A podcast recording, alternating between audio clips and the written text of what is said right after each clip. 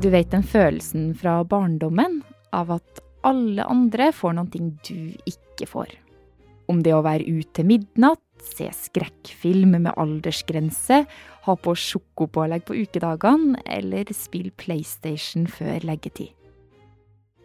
Nå er det Norges herrelandslag som ikke får noe alle andre fotballene i Europa får, nemlig å spille kamp når noen på laget har fått korona. Og Hvis eh, Fotballforbundet nå velger, på tross av de omfattende unntakene de har fått, undergrave respekten for noe av det viktigste vi har i kampen mot pandemien, så vil jeg reagere veldig kraftig på det. Og reaksjonene på det her er som det bruker å være når noen som bestemmer settende foten. Alle andre land spiller jo fotball. Alle de andre landene gjør det. Altså, det, det, den, den forstår jeg bare ikke. Dette virker som at det er en sak som eh, engasjerer eh, store og små, og eh, både de som bryr seg om fotball og de som ikke bryr seg om fotball.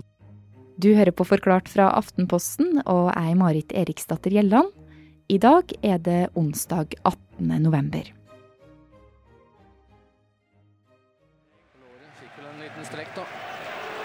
Keeper kommer ut! Ja! Det er år 2000, og Steffen Iversen har akkurat hedda ballen i mål bak Spanias keeper. Det er EM, og NRK-kommentatorene Arne Skeie og Egil Drillo Olsen er som resten av Fotball-Norge i ekstase.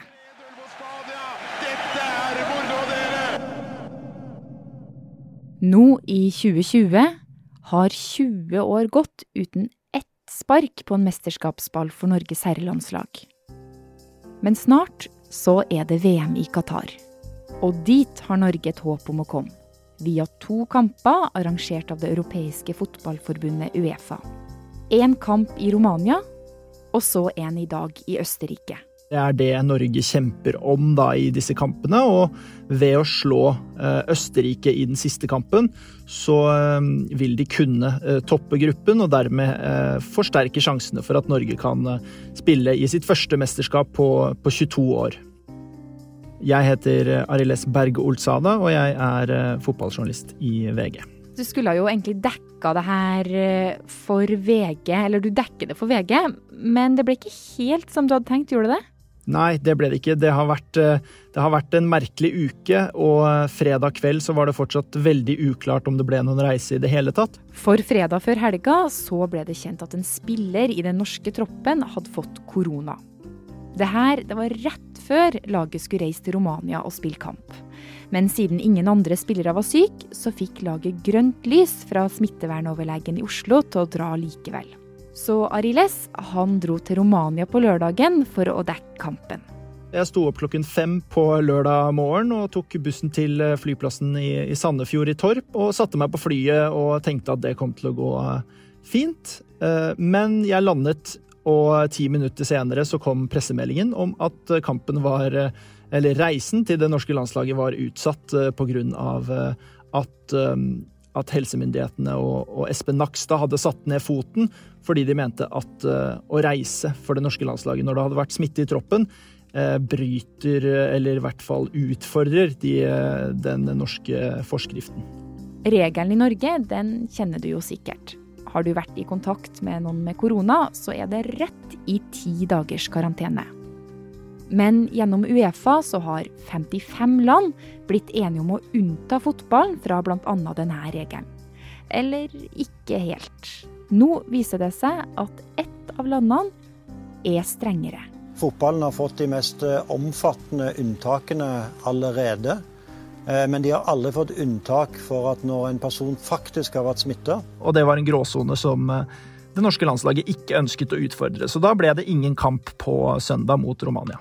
Og flere av de landslagsspillerne som var satt i karantene, de endte med å ta rutefly hjem til der de bor, i stedet for å ta privatfly til Romania og spille kamp. Landslagsspillerne som ikke fikk reise til Romania fordi de er i karantene, er nå på vei til sine respektive hjemsteder, der de spiller for klubblagene sine. Turen dit går med rutefly, og det er det også debatt om. Det her har skapt en del irritasjon. Gamle fotballhelter har kalt det hele rart, og det har gått hett for seg i sosiale medier. Faren til Erling Braut Haaland har kalt uh, håndteringen fra, av helsemyndighetene for, for, pinlig, og havnet jo Leif Welhaven, som uh, han uh, mente at var på speed, og slo tilbake mot, mot Haaland og kalte han perspektivløs og, og nærsynt. Så til og med Carpe Diem kastet seg på etter at Mini Jacobsen havnet i en ordveksling med, med Welhaven på Twitter, så det har, det har kokt bra i, i, i debattmiljøer de siste dagene.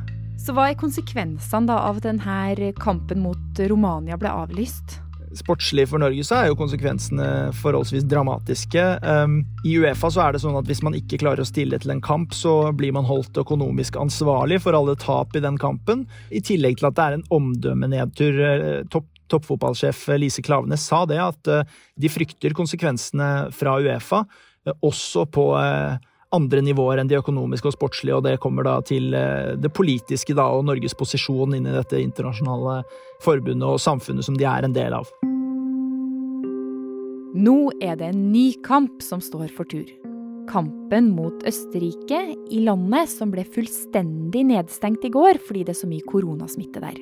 Og det norske laget vi sender, ble kalt inn på bare noen få timer og går under navnet Nødlandslaget. Der er Per Christian Bråtveit og Anders Kristiansen tatt ut som keepere. Disse ble da hentet inn eh, i, i all hast. Eh, og grunnen til at det er spillere fra utlandet som måtte velges, det er at de norske spillerne som spiller i Eliteserien, de kan ikke reise ut av landet og tilbake, for da vil de måtte eh, gå i karantene, og det vil gå utover eh, den norske eliteserien, som da vil måtte utsettes, og potensielt utsettes helt til 2021. Og mens noen nå frykter VM-drømmen kan forsvinne, så sitter andre med ett stort spørsmål. Spilles det fortsatt fotball midt i en pandemi? Hvorfor får dem lov, når alle andre må stenge ned?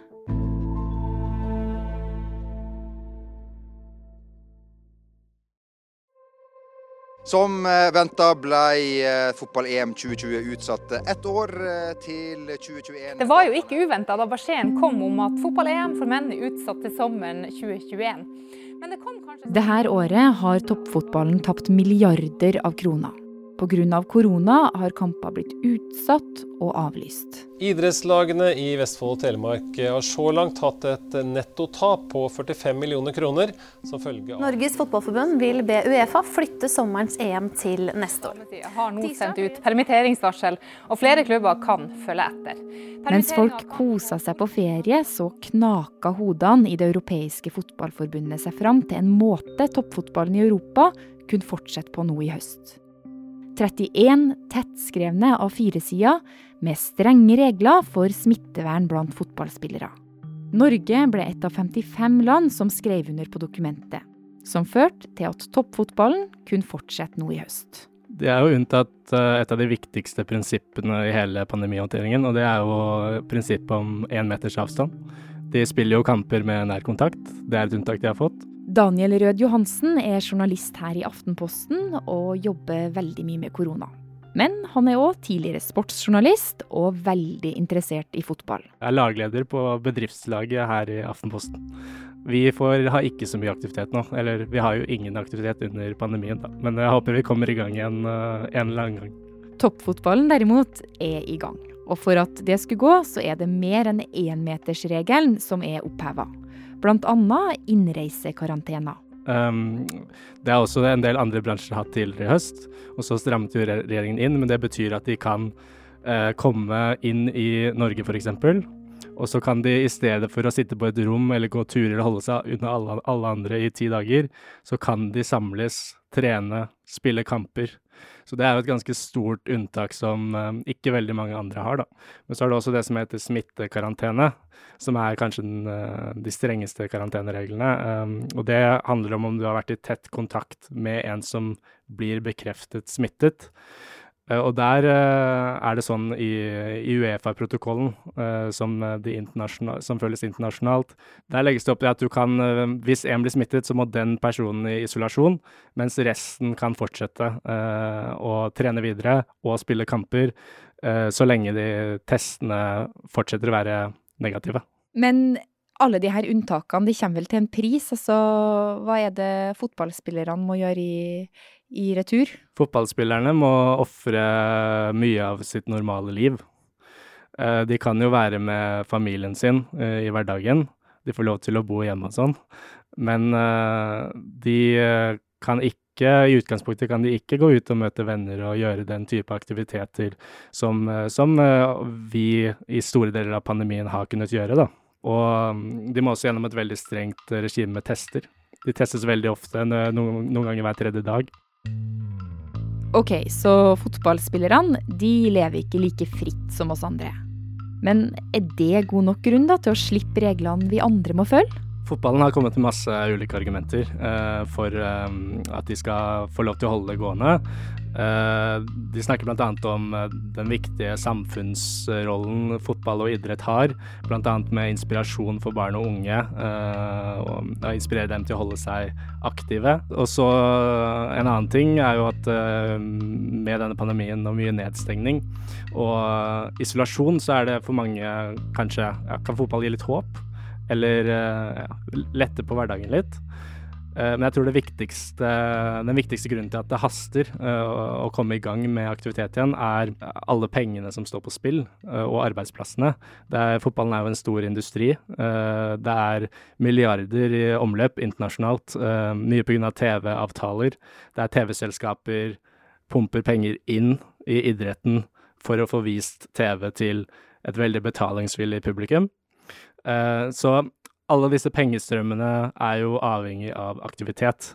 For av at det spilles fotballkamper? Nettopp. For når det ikke spilles fotball, så er det ingenting å vise på TV, og det er da heller ingen grunn til å betale disse summene. Så alt, det er ganske mye som sto på spill da fotballen ville komme i gang igjen. Men du Daniel, altså det her med arbeidsplasser og at penger går tapt, det er jo et argument som ganske mange andre bransjer også har brukt for å få åpna igjen og få unntak Eh, så hva er det som gjør at fotballen får eh, fortsette? Um, jeg tror noe av grunnen til at fotballen har uh, fått disse unntakene, er at de kan vise til, i større grad enn andre bransjer, at de kan følge et veldig strengt smittevernregime, der de lever uh, nesten i bobler, da og um, har veldig lite kontakt med omverdenen. Og det er nok, uh, akkurat det er nok litt vanskeligere i uh, f.eks. utelivet eller restaurantnæringen, da. Eh, men akkurat i det siste så ser vi eh, et skifte i holdning eh, til akkurat dette spørsmålet blant regjeringen og helsemyndighetene. For koronabølge to gjør at norske myndigheter har innført strengere tiltak for å bremse smitten. Og da en norsk landslagsspiller testa positivt for korona før Romania-kampen i helga, så var det første gang det skjedde. Og norske helsemyndigheter må ta et valg. Skulle de følge Uefa-landene og la laget spille i Romania? Eller følge de norske reglene og sette hele laget i karantene? Og som du sikkert husker, så landa Bent Høie på det siste. At han landet der sier nok også noe om at uh, Europa og Norge er en helt annen situasjon enn da Uefa-protokollen ble godkjent, uh, og man valgte å følge disse reglene ja, uh, tidligere i sommer og høst.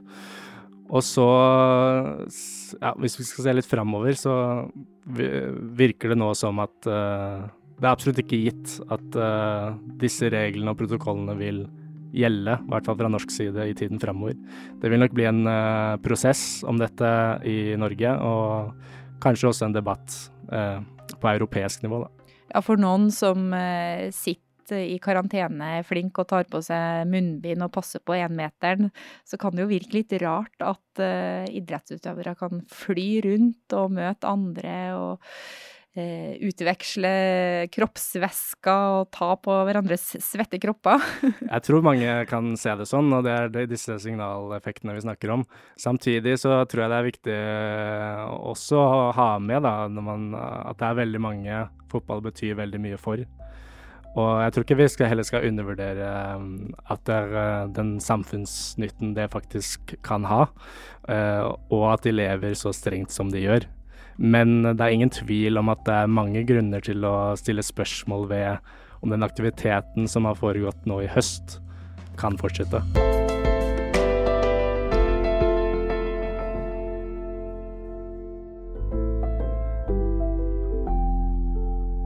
Denne episoden var laga av produsent David Vekoni og meg, Marit Eriksdatter Gjelland. Resten av Forklart er Karoline Fossland, Anne Lindholm og Fride Næss Nonstad. Du har hørt lyd fra NRK, bl.a. Dagsnytt 18 og VG.